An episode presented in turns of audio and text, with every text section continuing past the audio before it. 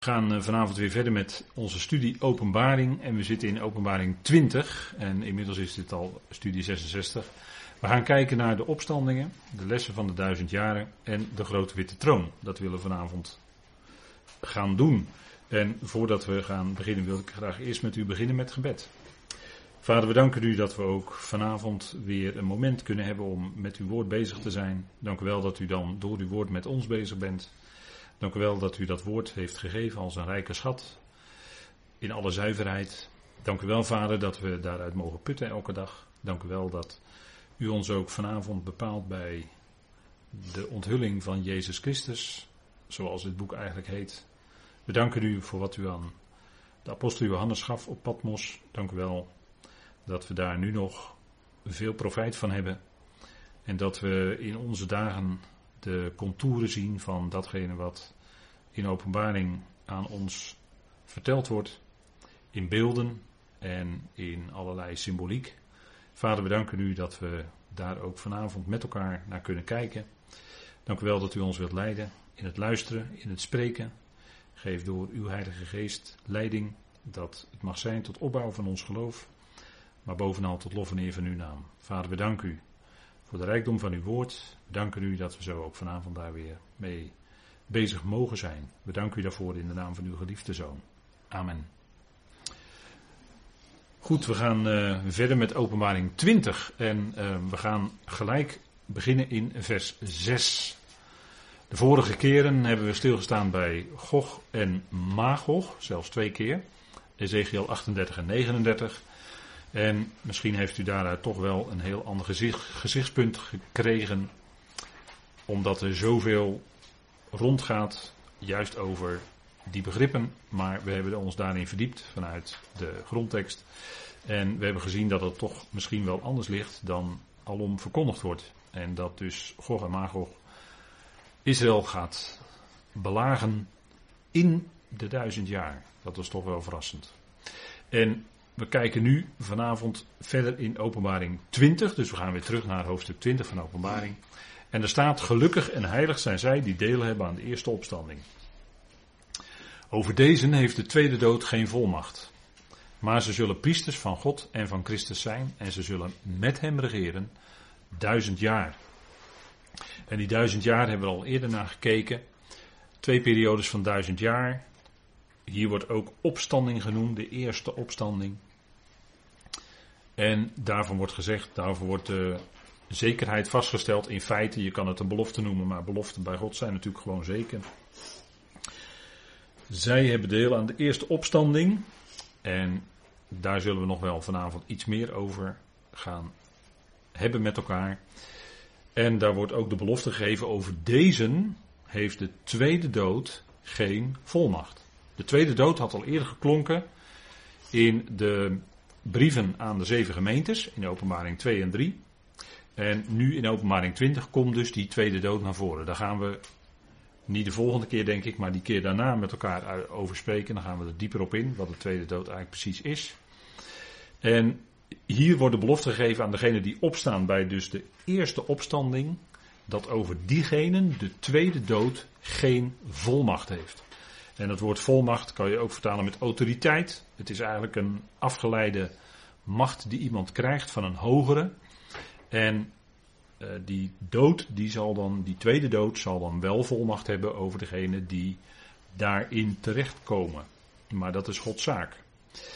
En dan staat er ook, diegenen die dan opstaan, die zullen priesters van God en van Christus zijn. En ze zullen met hem regeren duizend jaar. Koningen en priesters. En dan weten we dat het over Israël gaat. Opstandingen, als we het daarover hebben, in de schrift wordt het wel genoemd. En ik heb wat op een rij gezet en ik probeerde zoveel mogelijk voor u te noteren, maar ik weet niet of dit een uitputtende reeks is. Isaac, dat is natuurlijk bij wijze van spreken, heeft Abraham Isaac uit de dood teruggekregen, zegt de Hebreeën schrijven. dat was in feite opwekking uit de dood. Niet letterlijk, maar wel bij wijze van spreken, zoals de Hebreeën schrijven dat in Hebreeën 11 zegt. Dan de kinderen van de weduwen in Israël, bij Elia en Elisa. Daar was in beide gevallen, werd daar een kindje opgewekt uit de dood. Dan iemand die met het gebeente van Elisa in aanraking kwam. Die werd in het graf van Elisa geworpen en die werd een dode en die, werd, die kwam in aanraking met het gebeente van Elisa en die stond daardoor weer op. Een hele merkwaardige gebeurtenis. Dan hebben we, als we gaan naar de Griekse schrift, het dochtertje van Jairus. De overste van de synagoge, weet u wel. Twaalf jaar oud dochtertje. En dan de jongeling van Nain. Ook een ontroerende en bekende geschiedenis.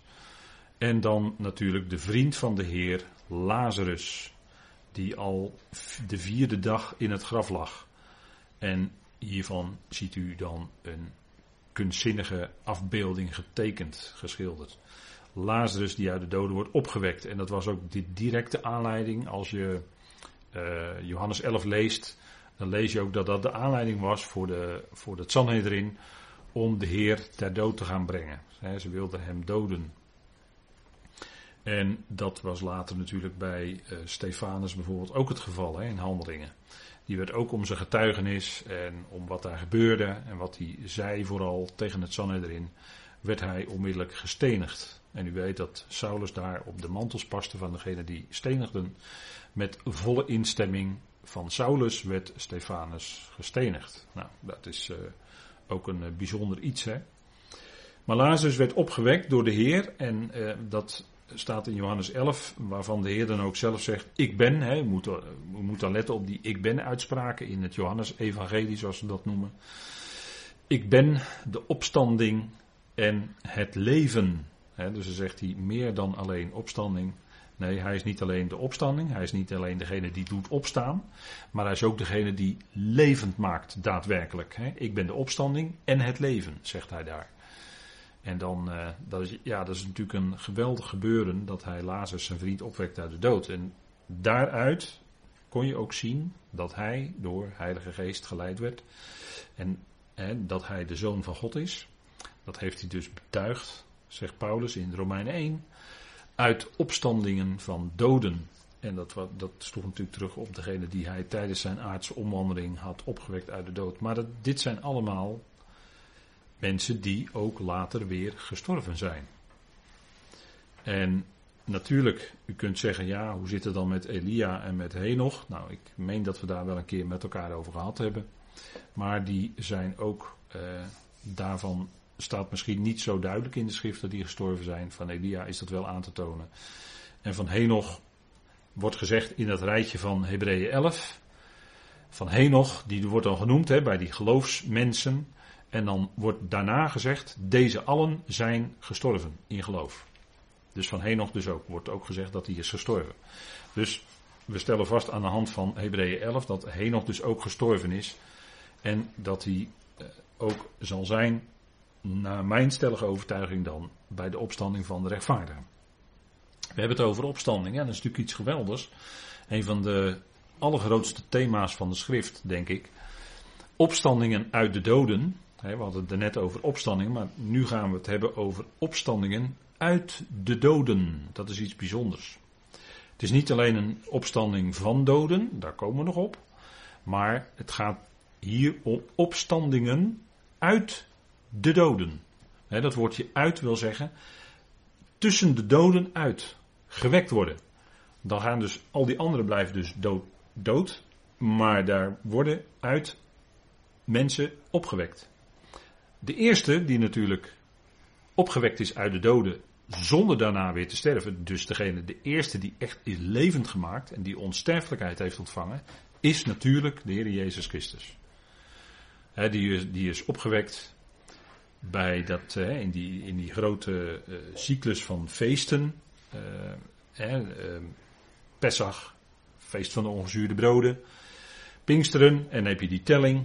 En de Heer als vervulling van het type van het bewegen van de eerstelingengarf, werd op de 16e Nisan opgewekt uit de doden. En zo was hij vervulling van het type. En dat gebeurde op een gewone weeksabbat. En dat is heel verwarrend voor mensen in de schrift. Maar toen vielen er twee sabbatten achter elkaar. Je had op de 15e Nisan de grote jaarsabbat. Dat was de eerste dag van het feest van de ongezuurde broden. Dat is een van de allergrootste feestdagen van het jaar van Israël. Dat was de 15e Nisan, dat was, dat was op een vrijdag. En die dag erna, op de 16e Nisan, stond de Heer op, werd hij opgewekt uit de dood. En als vervulling van het type van de eerste linggarf, die de priester dan moest heen en weer bewegen voor het aangezicht van Jaweh. Als garantie dat de hele oogst gaat komen. En er is altijd, altijd verwarring over die opstandingsweek. Maar die verwarring komt vooral omdat men niet onderkent dat een bepaalde uitdrukkingen specifiek horen bij die cyclus van 50 dagen. En broeder Nog heeft dat eminent uitgezocht destijds. dat, is een, uh, dat, dat, heeft hij heel diepgaand en uh, grondig onderzocht. En ja, dat is toch een verrassend iets. Uh, het christendom beleidt dat de Heer is opgestaan op de eerste dag van de week, op de zondag, maar dat klopt niet. Hij is opgestaan op een gewone weeksabbat, op de zaterdag. En dat is natuurlijk een prachtige betekenis, want dat is de dag van rust. Dat is de dag van ontspanning. De dag eigenlijk van, de dag die eigenlijk markeert, als ik het nog preciezer zeg vanuit het Hebreeuws, is het het stoppen of ophouden met werken. En de opstanding van Christus is juist datgene wat ons doet stoppen met werken. Hij is opgewekt als teken dat het werk is gedaan, dat het alles is volbracht, dat hij uit de doden is opgewekt en dat is vanwege onze rechtvaardiging. En dan is het genade. Dan is het genade. Nou, dat is natuurlijk iets geweldigs. Hè? De Heer is als eerste levend gemaakt. En evenals in Adam allen sterven, zo zullen ook in Christus allen levend gemaakt worden die volgorde waarop ik het zeg, is de Griekse volgorde. En die is van belang, omdat men er altijd van maakt, degenen die in Christus zijn, zullen levend gemaakt worden.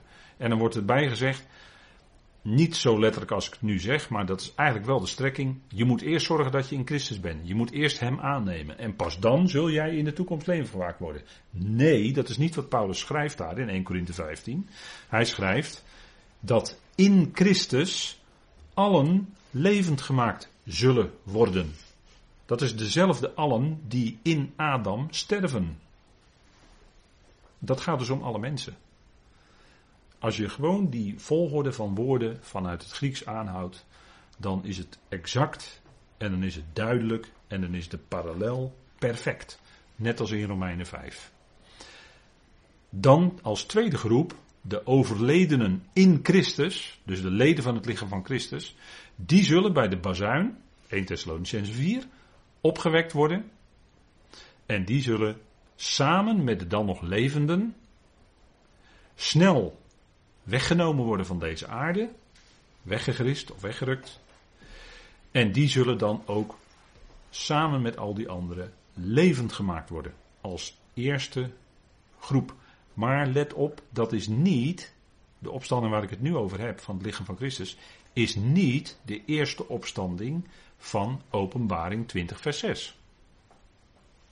Dat is de eerste opstanding die rondom die duizend jaren plaatsvindt. Dus die, dat, dat wordt snel met elkaar verward. Maar dat moeten we goed uit elkaar houden. Daar zit tijd tussen. Daar zit minstens.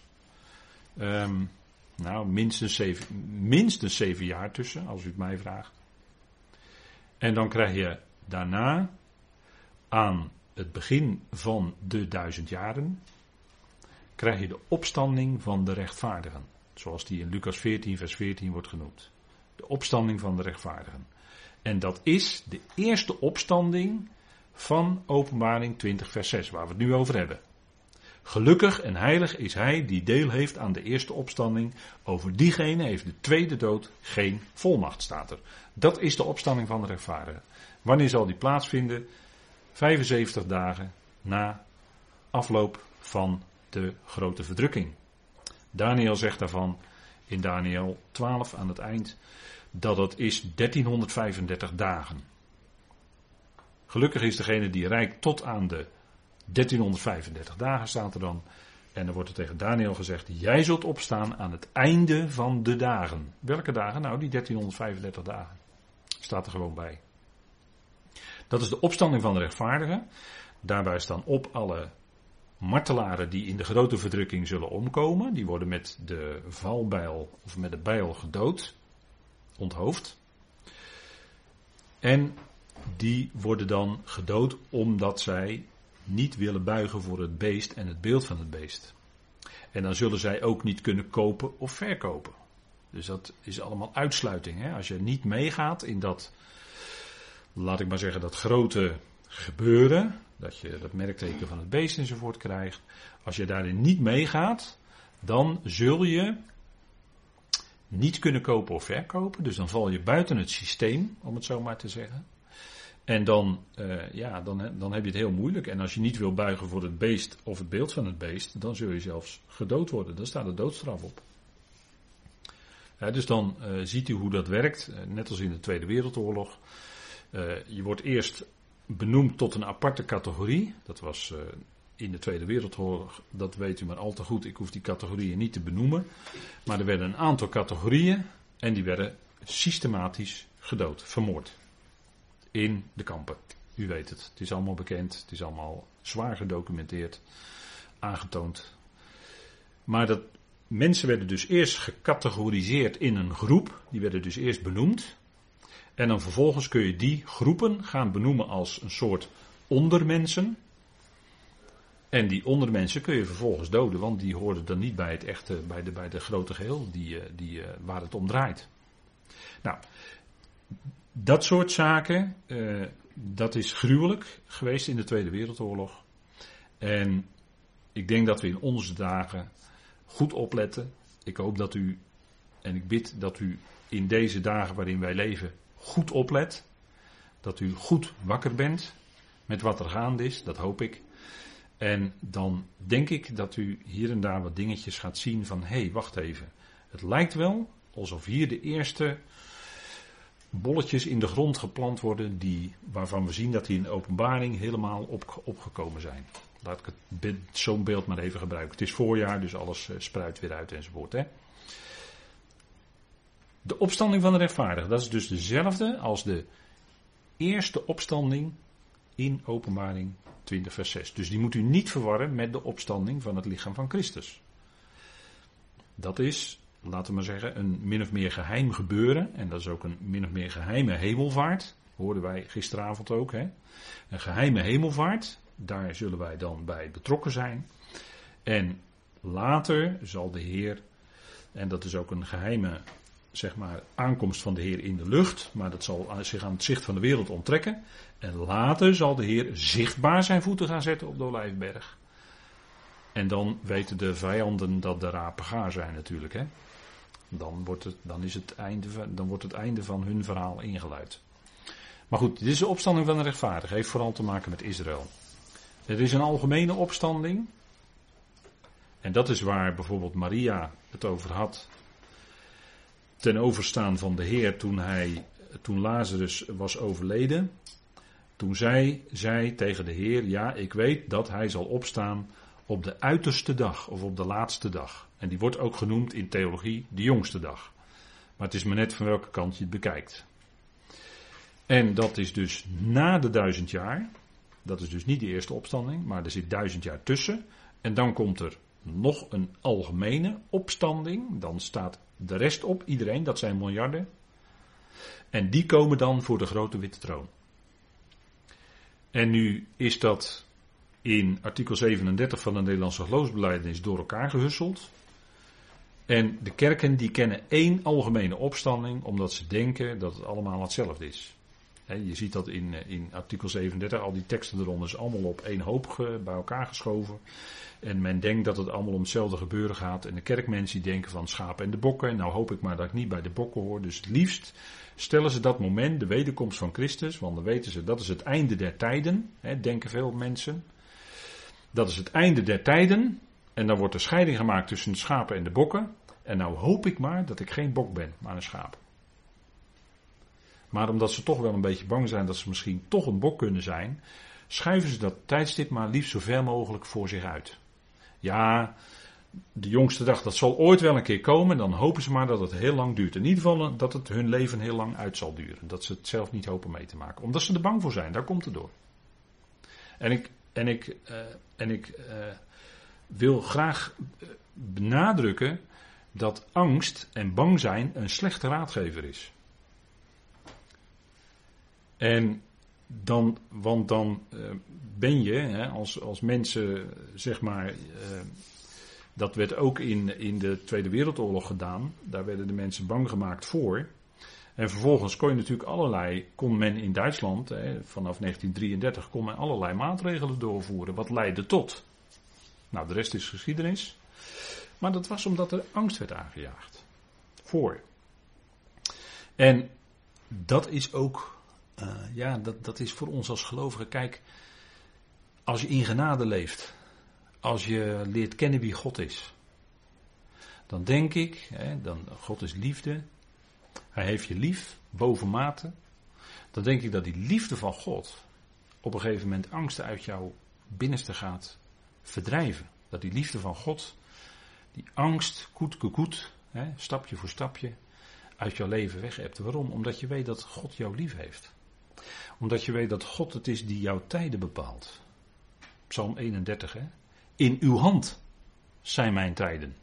Dat was de overgave van de psalmist. En ik denk dat je als gelovige, als je God kent, die liefde is, dat je dat voluit kan beleiden. Dat je je voluit kan overgeven aan die God. Die jouw tijd bepaalt, jouw tijden en jouw tijd bepaalt. U begrijpt wat ik bedoel. En die zal jou dus niets laten overkomen. Want als het jouw tijd nog niet is, dan zal hij jou beschermen. Uh, als we kijken bijvoorbeeld in Spreuken 18. Daar kun je, hè, daar wordt de Heer in een prachtig beeld voorgesteld als de, als, de, als de burcht waar je toevlucht in kan nemen. En in een burcht vind je ook daadwerkelijk bescherming. De Heer is toch degene die ons bescherming geeft. En als we zien hoe een menselijk lichaam in elkaar zit, met een geweldig immuunsysteem, wat, wat God ons als schepper gegeven heeft, wat hij ingeschapen heeft in ons. Nou, dat is, dat is iets fantastisch. Dat is fantastisch. En dan is uh, God degene die onze tijden bepaalt hoor. Daar ben ik van overtuigd. En daar zo leef ik ook. U bent het die mijn tijd bepaalt. En er zal geen, dat zal geen dag te vroeg zijn. En geen dag laat. Hij bepaalt het. En natuurlijk hopen we allemaal dat we bij levende bazuin zullen meemaken. En zo niet, nou dan sterven we. Maar de volgende seconde gaat de bazuin hoor, voor uw ervaring. Als u komt te overlijden. Ik hoop niet dat u komt te overlijden, zeker niet. Zeker niet. Maar als het zo is dat, dan zal voor uw ervaring dit zijn als u uw ogen dicht doet en de bazuin gaat. Alsof u achteraf denkt u dan, nou het leek net toen ik mijn ogen sloot om te sterven, toen ik overleed, leek het net of toen de bazuin ging. Zo, zo zal u dat ervaren. En degene die bij leven ervaren, ja, dat is natuurlijk geweldig. Dan word je helemaal veranderd. Dat is fantastisch. Maar kijk, wij bepalen die tijd niet. U en ik niet. Nee, God bepaalt die tijd. En zo is het met alles. Wat er overkomt in ons leven, ja, het is toch die hand van God die over ons leven is. Daar kunnen we toch in die overgave leven. Vader, niet mijn wil, maar uw wil geschieden. Uw wil. En ja, dan, dan denk ik dat, dat, je, dat je echt kunt leven in ontspanning. En, en dat je kijkt wat is er gaande en dan is die schrift zo belangrijk, dan is die schrift zo belangrijk. Want die laat je zien hoe het zit. En in wat voor tijd je leeft. We zouden waken en nuchter zijn, zegt Paulus toch in 1 Thessalonicense 5.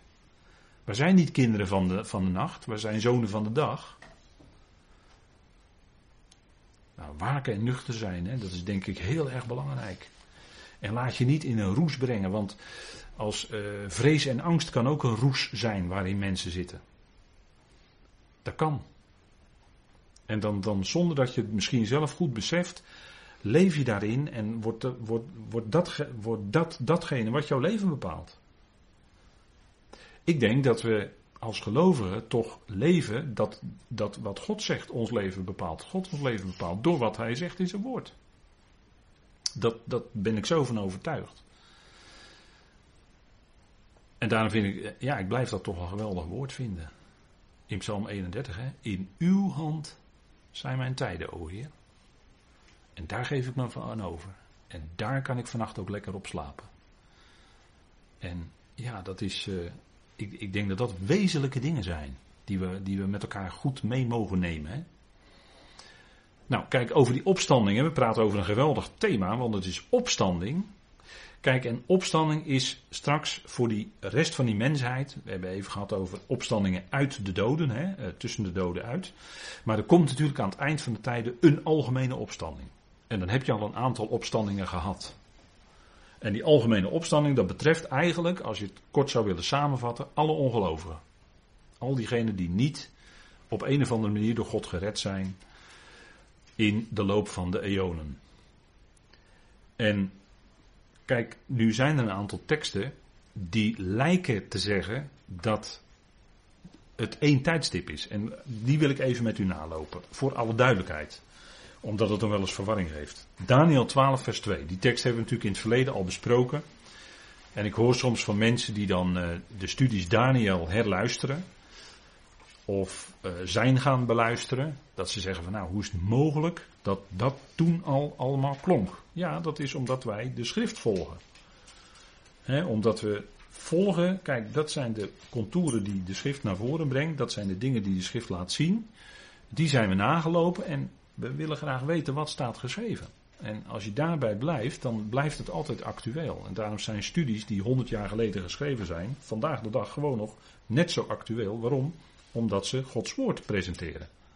En niet de eigen mening van degene die de studie geschreven heeft. Nee, Gods woord wordt gepresenteerd, daar gaat het om.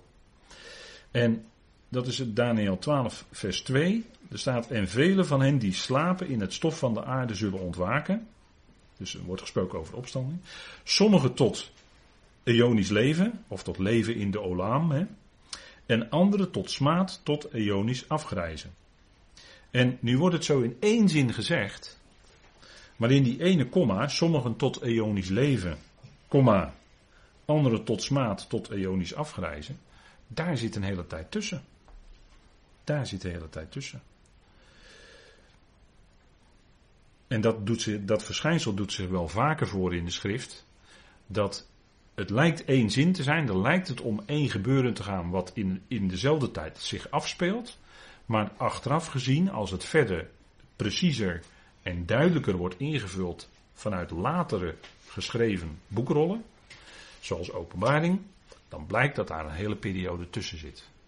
De heer Jezus, die, een bekend voorbeeld is dat, de heer Jezus toen hij in de synagoge was, toen sprak hij vanuit Jesaja 61. En er wordt gezegd, nu is het het aangenaam, nu is aangebroken het aangenaam, aangename jaar van de Heer, komma, en een dag der wraken van onze God. En in die komma, daar zit eigenlijk 2000 jaar in.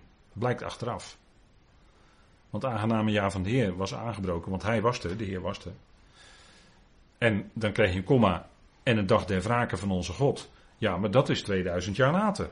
Dat is als de dag des Heren ingeleid wordt. Dus er zit 2000 jaar tussen. In één zin in Jezaja. Ja, dat komt omdat later blijkt dat daar andere ontwikkelingen zijn, zoals de roeping van de gemeente. En dat duurt twee dagen. Dat duurt twee dagen, 2000 jaar. En we zitten bijna aan de derde dag hè, van, van Hosea 6, de dag van, uh, van het herstel van de opstanding van, van de wedergeboorte van Israël. Dat is vroeg, hè, zoals de Heer vroeg in de derde dag opstond, zo zal Israël ook vroeg in de derde dag, in de derde duizend jaar, opstaan. Of opgewekt worden. Of tot leven gewekt worden. Of wedergeboren worden, hoe je het ook wil zeggen. Nou, hetzelfde doet zich voor in Johannes 5. Daar gaan we ook even naartoe. Johannes 5, vers, vers 28 en 29. Johannes 5.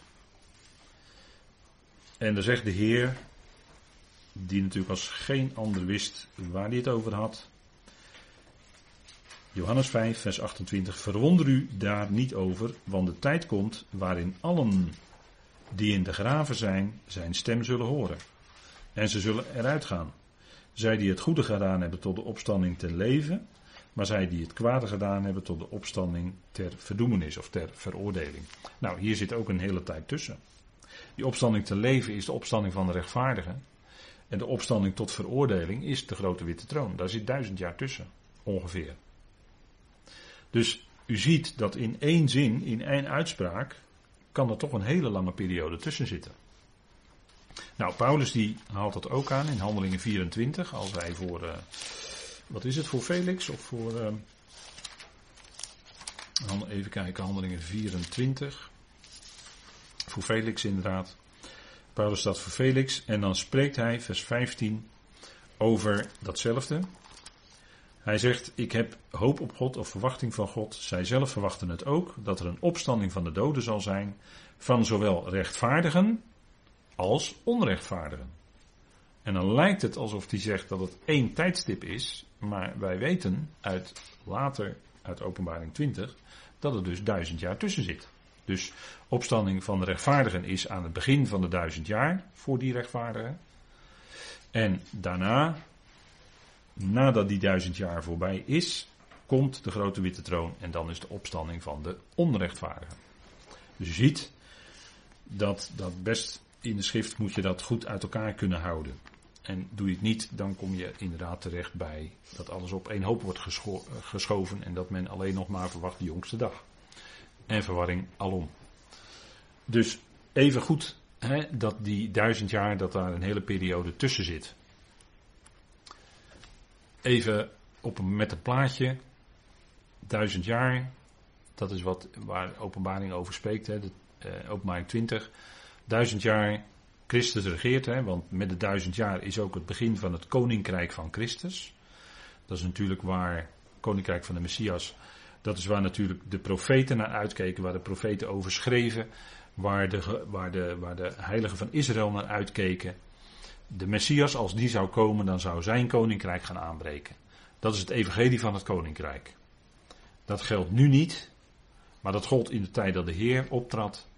En dat gold in de tijd van handelingen, in het begin van handelingen. Daar gold het evangelie van het koninkrijk. En dat staat helemaal los van het evangelie van de genade, zoals we dat vandaag de dag mogen laten klinken. En ook in de duizend jaar, vergist u zich niet, zal ook klinken het evangelie van het koninkrijk. Of het evangelie van de besnijdenis. In de duizend jaar geldt niet het evangelie van Paulus. even gewoon voor de duidelijkheid. Dat die lijnen, die moet je constant goed uit elkaar houden. Doe je het niet, dan gaat het al heel snel door elkaar lopen. En dan neemt de verwarring ogenblikkelijk toe. Dan krijg je verwarring en dan gaat het alleen maar toenemen daarna. Nou, je hebt de duizend jaar, dan heb je de grote witte troon. Dat is de, het koninkrijk van Christus. En dan het nieuwe Jeruzalem. Daarvoor zou je kunnen zeggen, dat is het koninkrijk van de zoon. Dus dan is het een andere titel, dat is het koninkrijk van de zoon. Dat is de nieuwe schepping. Daarop zal zijn het nieuw Jeruzalem, hè, wat uit de hemel neerdaalt op de aarde. En wat straat, dat heeft letterlijk letterlijk straten van goud. Hè. Men wil dat graag versymboliseerd zien als uh, een aanduiding van het koninkrijk. Hè. Zo wordt dat wel uitgelegd. Tot mijn schrik ook door hele goede bijbeluitleggers soms. Dan schrik je toch wel als je ze dat hoort zeggen. Want het lijkt mij toch dat in die nieuwe schepping, als dat, dat nieuwe Jeruzalem, dat is natuurlijk fantastisch. Als dat neerdaalt en er staat dat het straten van goud zijn, Waarom zouden dat geen straten van goud kunnen zijn, is mijn vraag. Gewoon letterlijk nemen. Gewoon letterlijk wat er staat. Dat, waarom niet? Waarom zou God zoiets niet kunnen maken? Dat is mijn vraag. Met al die edelstenen, diamanten en noem alles maar op. natuurlijk, dat, dat maakt God. Dat, natuurlijk. Natuurlijk. Kijk, als God een, een, een, een, een mens schept met een DNA-structuur, met cellen, met allerlei ingewikkelde, hele ingewikkelde processen. Als God in staat is om dat te scheppen, zou hij er niet in staat zijn om een nieuw Jeruzalem te scheppen met, goud, met staten van goud? Natuurlijk wel. Natuurlijk wel. Nou, en dat, dat is de komende eonen, hè, dus de komende tijdperken. En dan is uiteindelijk, hè, wordt die dood, en dat weten we, dat is de tweede dood, die wordt opgegeven en dan zal God zijn alles in allen. En dat is ook, dan is ook, dat markeert ook het einde van de regering of de heerschappij van Christus. Hij zal regeren niet in eeuwigheid, dat wordt soms in liederen wel gezongen, maar dat is niet zo. Hij zal regeren, zegt 1 Korinthe 15, totdat Totdat hij al de vijanden onder de voeten gesteld heeft gekregen. En dan zal hij het koninkrijk of de koningsheerschappij aan God de Vader overdragen en dan zal God zijn alles in allen. Dus Christus regeert niet voor eeuwig, maar hij regeert in de eonen. dat is ook wel weer even een puntje om mee te nemen. Twee keer duizend jaar hebben we gezien. Hè? De regering van Israël duurt duizend jaar. Na de opstanding van de rechtvaardigen. Dan begint de regering van Israël. Koning en priesters. We hebben de binding van Satan. Dat is een iets andere periode van duizend jaar. Die begint iets eerder, 75 dagen eerder. En dan wordt hij nog een korte tijd losgelaten. En als je dan aan het begin 75 dagen hebt, dan heb je aan het eind ook 75 dagen. Er staat een kleine tijd, een micron tijd, wordt hij losgelaten en dat is, zo we aannemen, 75 dagen. En dan staat er in openbaring 20 vers 7, en wanneer de duizend jaar ten einde gebracht wordt, zal de Satan, de tegenstander, losgemaakt worden uit zijn gevangenis. Hij wordt daar, er staat een woord, heeft te maken met bewaken. Hij wordt, hij wordt dan bewaakt, hij wordt neergehouden of gevangen gehouden op een of andere manier. En als, die, als dat uh, genoeg is, als die duizend jaar voorbij is, zal hij losgemaakt worden. Uit zijn gevangenis. Dat moet gebeuren. Dat moet gebeuren. Dat heeft een specifiek doel namelijk. Een kleine tijd, een microntijd, 75 dagen om dat te doen. En wat gaat hij dan doen als hij losgemaakt wordt? Dan gaat hij zijn uh, gebruikelijke activiteit weer hervatten.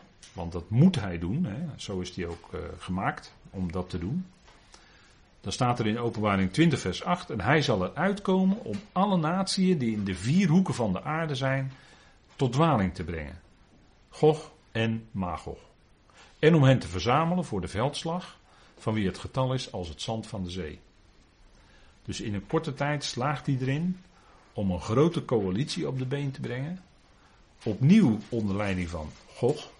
We hebben gezien dat het betekent top. Hè, dus, dat is de leider. En Magog, dat zijn dan degenen die hè, eh, hem volgen. Hebben we ook gezien. Dan verwijs ik naar de vorige avonden die we hierover hebben gehouden. En dan worden zij verzameld onder leiding van Gog, Magog. En dat zal een enorm groot aantal mensen zijn. Na de duizend jaar gaat dit dus gebeuren. Hè. Dus we hebben het hier over een ander gebeuren dan dat we de vorige keren hebben gezien naar aanleiding van Ezekiel 38 en 39. Daar werd ook gesproken over Gog en Magog, maar dat gebeurt, hebben we gezien, hoogstwaarschijnlijk aan het begin van de duizend jaar, na één generatie. En dit is een gebeuren dat zal plaatsvinden na de duizend jaar, want dit is nadat de Satan is losgemaakt uit zijn gevangenis. En dan gaat hij dus die volkeren misleiden, verleiden en ze tot dwaling brengen. Want dat is wat hij doet, voortdurend. Hè, dat is zijn hoofdactiviteit. Om wie dan ook maar is tot dwaling te brengen. Af te leiden van Gods woord, af te leiden van God. En dan worden ze verzameld en dan is het weer het oude liedje optrekken naar Jeruzalem. Wat leren we nu uit Openbaring 20, vers 7 en 8? Want als je als Bijbellezer dat leest en je denkt daar goed over na, dan denk je, wacht nou eens even. Uh, ja, kijk, die mensheid, die kan zeggen, wij hebben eigenlijk nooit echt een goede kans gehad. Als God ons nou maar de kans had gegeven, om los van die misleidende geesten, los van de tegenstander, als wij zelf de kans hadden gekregen, dan hadden we het zelf allemaal wel voor, voor elkaar kunnen boksen. Want van, van meet af aan is die mensheid eigenlijk voortdurend misleid en geworden door geestelijke machten, staan onder invloed van geestelijke machten. Dat is op vandaag de dag in alle hevigheid ook het geval. En ik zeg voor in alle hevigheid, want machten werken altijd via mensen. En wereldwijd bestaat er zeg maar allerlei, allerlei mensen die worden gebruikt wereldwijd om zeg maar die hele mensheid als het ware op te sluiten en gevangen te nemen en mee te voeren tot dat wat in openbaring staat. dat, is, eh, dat is wat je zou kunnen noemen een heel netwerk. En er worden allerlei mensen worden daarvoor ingezet. En die worden dus gebruikt door die geestelijke machten. moet je altijd goed, goed onder, even goed bedenken. Mensen worden gebruikt door geestelijke machten om dat te doen. Dus ten diepste kan je er niet eens altijd die mens op aankijken. Nee, die mens wordt gestuurd door machten die daarachter zitten. En uiteindelijk is dat de tegenstander zelf. Maar nu breekt een tijd aan dat die Satan gebonden is. En mogen we aannemen waarschijnlijk ook een hele serie geestelijke machten. Uh, laten we maar zeggen achter slot en grendel, voor zover het kan met geestelijke machten. En nu in het millennium krijgt die mensheid als het ware wel een meer eerlijke mogelijkheid dan daarvoor. Dus een andere situatie. Kun je niet vergelijken met de boze Aion. Nee, dit is de Aion van de regering van Christus. En dat doet hij via Israël, over de volkeren. En dit is natuurlijk een geweldige tijd in de zin van dat de volkeren tot rust kunnen komen, tot ontspanning kunnen komen. En men stelt dat vaak voor als een superparadijselijke toestand. En het zal allemaal geweldig zijn. En dan zullen de mensen allemaal veel beter zijn. En zullen zich allemaal veel beter, veel beter gedragen. En dan denken mensen vaak, want de omstandigheden zijn beter. Maar is dat ook zo? Je zou makkelijk uh, filosofieën kunnen noemen die filosoferen dat als je de omstandigheden van een mens nou maar, hè, als je maatschappij nou maar verandert, hè, als je de omstandigheden nou maar anders maakt in de maatschappij, dan wordt die mens in die maatschappij ook beter. En dan krijg je, hè, dan krijg je bijvoorbeeld eh, wat, wat Marx zei, het ideaal van een klasseloze maatschappij. En grote experimenten zijn er geweest in Rusland. Nou, we hebben gezien waar dat toe leidde. Nog een ander groot experiment, wat in feite nog steeds loopt, is China. En we zien waar dat toe geleid heeft en leidt. En in het millennium ontbreken die geestelijke machten, hè, want die filosofieën daarachter zaten ook geestelijke machten om die experimenten uit te voeren en met, met allerlei consequenties, met heel veel, heel veel slachtoffers. Dus dan kan je zien uit welke, van welke hoek, uit welke hoek dat komt, om het zo maar te zeggen. Maar in het millennium is dat niet zo. Dus je zou kunnen zeggen, en je zou een aantal vragen erbij kunnen stellen. Kijk, die mens die zondigde. Maar wat, wat had Eva nou gedaan als zij niet misleid was geworden? Wat zou die mensheid nou hebben gedaan als Satan die niet misleid had? Wat, wat zal de mensheid doen als ze aan zichzelf zijn overgelaten? En, en, niet, en niet beïnvloed worden door sinistere, duistere machten. Dat zijn zomaar een aantal vragen die je kan stellen. En eigenlijk demonstreert God door die duizend jaar waar het toe leidt. Als die omstandigheden in deze, en dan praten we nog steeds natuurlijk over de oude schepping, als die nagenoeg ideaal zijn, wat zal er dan gebeuren?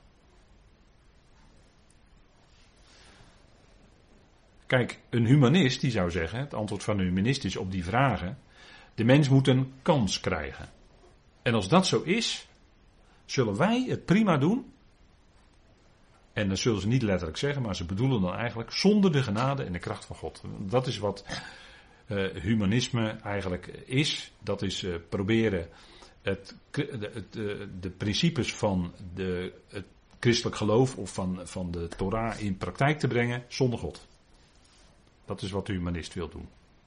De humanist is ook heel humaan, die wil andere mensen helpen, die, wil het, die heeft het goede met de mensen voor, die, die, bevordert, uh, die bevordert al het goede voor de mensen, die heeft echt het goede met iedereen voor, iedereen is gelijk en dat is de humanist. En, en dat is allemaal prachtig, dat is natuurlijk heel mooi, ideaal, maar toch blijkt in de praktijk dat het zonder God, uiteindelijk gaat het hem dat toch niet worden. Kijk, en wat de schrift zegt, en dat is heel scherp daar tegenover, is kijk, God wordt alles in allen. Dat is natuurlijk het einddoel van God. Maar dat zal alleen zijn door de genade van God. Dat zal nooit kunnen zijn door de inspanningen van de mens. Ook al geef je de mens nog zo'n prachtige kans of mogelijkheid. Het zal blijken dat het alleen kan, alleen uitsluitend door de genade van God. Op basis natuurlijk van het werk van Christus aan het kruis en zijn opstanding uit de dood. Het kan niet zonder het bloed van Christus. Kan niet. Dat zal blijken. En de duizend jaar is daar een enorme demonstratie van.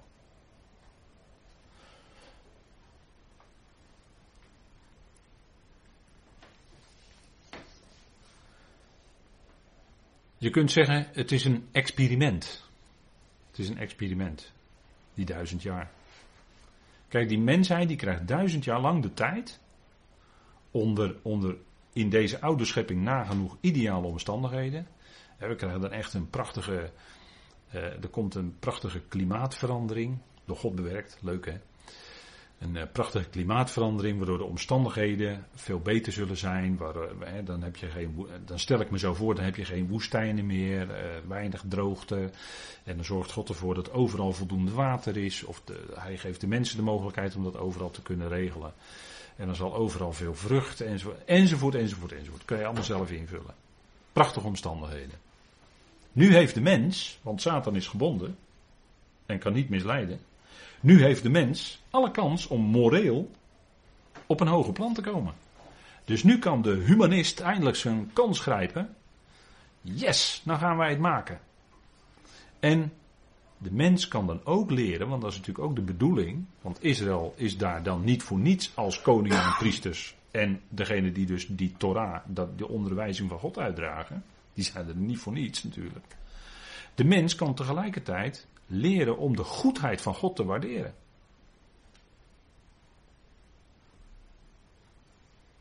En daarbij zit dan de vraag: wat zijn dan nu in deze tijd, waarin Satan wel veel invloed heeft op de mensen, via allerlei personeel, dat bedoel ik dus geestelijk personeel, en die schakelen dan weer allerlei menselijk personeel in. Maar wat zijn de grootste misleidingen van nu? En dat is denk ik anders dan u denkt. Dat is anders dan u denkt. Dat is het gebruik van religie, het gebruik van rituelen en filosofie. Die drie. Want die drie, de tegenstander, gooit die drie erin om het bloed van Christus te vervangen. De kracht, de uitwerking van het bloed van Christus, zijn lijden, zijn dood, om dat te vervangen. Want kijk, met de religie, ritueel en filosofie kan de mens het zelf doen. De mens kan zichzelf filosoferen naar een hoger plan. De mens kan zichzelf, kan door religie, door allerlei dingen te doen, door allerlei rituelen, kan hij het allemaal zelf bewerken. Dus dan heeft hij het bloed van Christus niet nodig. En dat merk je ook gelijk, en dat is wat subtieler, maar dat merk je ook gelijk in, in, in, uh, in, in groepen, geloofsgroepen, waar heel sterk men bezig is met de regels en met de wet. Dat, dat het allemaal bij die mens gelegd wordt. En dat er veel minder over Christus en zijn werk gesproken wordt. Dat is automatisch. Zodra de mens meer aan het werk moet op een of andere manier, doe dit of doe dat of doe dat niet of doe dat wel. Of, hè, dan wordt het woord van God ook, wat voor Israël ook werd, wet op wet, regel op regel, hier wat, daar wat, lees maar na in Jezaja 28. Dat was het woord van God voor Israël ook geworden. Maar het gaat om genade. En als de mens zelf aan de slag gaat, om het zelf allemaal proberen goed te doen, dan automatisch komt Christus en zijn werk, en zijn bloed dus ook, op de achtergrond. En dan heeft de Satan heel subtiel de zaak verlegd. En heeft hij de aandacht afgeleid van om degene om wie het werkelijk gaat. Want we zouden bedenken de dingen die boven zijn waar Christus is. De dingen waar het werkelijk om gaat, die komen dan op de achtergrond. Die worden opzij geschoven. En de mens, met kijk eens wat ik allemaal doe, komt in het middelpunt te staan. Ook binnen christelijke geloofsgroepen moet ik helaas zeggen, maar dat is wel aan de orde. Dus ik geef u dat maar mee dat u daarop let.